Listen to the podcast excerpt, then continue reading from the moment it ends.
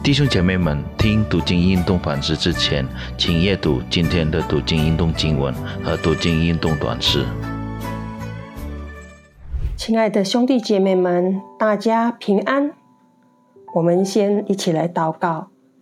亲爱的主耶稣，感谢你再一次赐给我们这个美好的时间，能够一起来反思你的话语。主啊，求你带领我们。让我们能够明白，今天我们要一起反思的话语。奉主耶稣基督的名，我们一起祷告，感恩，阿门。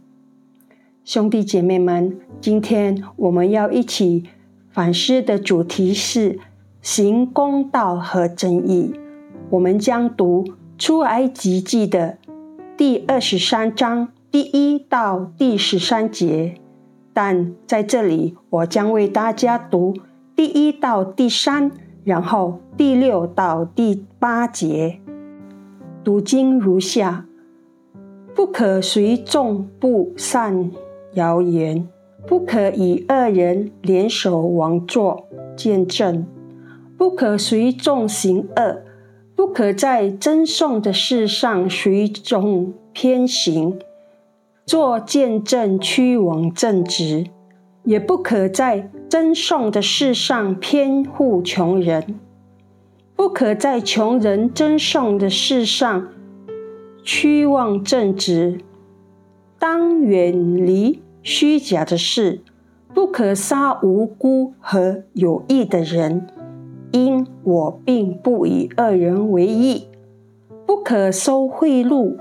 因为贿赂能叫明眼人变瞎了，也能颠倒一人的话。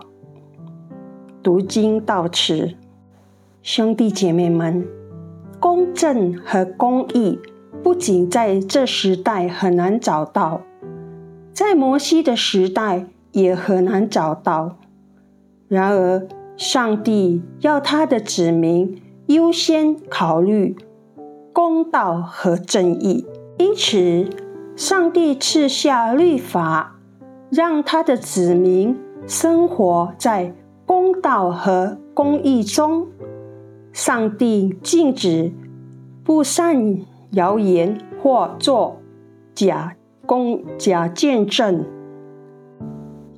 假证人是故意在法庭上说谎的人。假证人通过提供虚假的陈述与坏人沟通，使有罪的人可以被宣告无罪；相反的，使无罪的人可以被宣告有罪。如果我们说实话，有很多误解是可以避免的。我们希望在我们教会里没有谎言。但事实并非如此。如果冲突方不愿意说实话呢？人际冲突往往会变得很难理解决。公平意味着对冲突各方不偏不倚。有时，在事情明朗之前呢，人都会趋向于站在穷人一边。事实上是没有错，穷人往往是受害者，我们也被要求保护他们。上帝也说他站在穷人一边。然而，在耶和华面前，穷人和富人一样有罪，穷人也会犯错，就像富人一样。穷人若有罪，就应该应当受到惩罚，不可赠送的事上偏护穷人；另一方面，偏护有罪人的富人也是罪恶。法官有责任保护穷人得到公正的审判，包括称职的律师。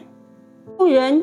有更多的钱，所以他们能够支付律师费用，并在遇到法律上的问题时进行欺诈，比如贿赂法官。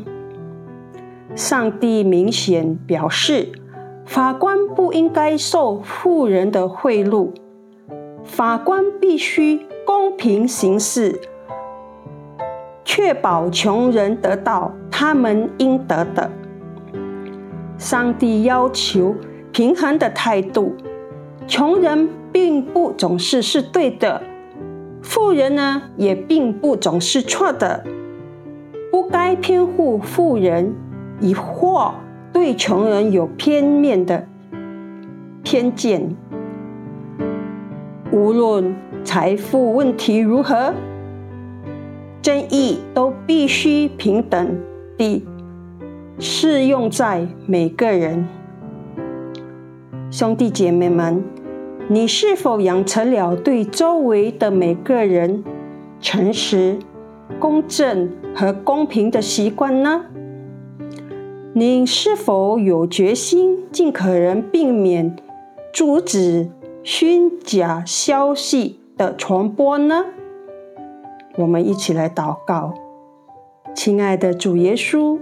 我要专心承认你是我唯一的主，以你的公义为基础，对周围的每个人诚实、公正和公平，并且努力按着你的美好的心意来过生活。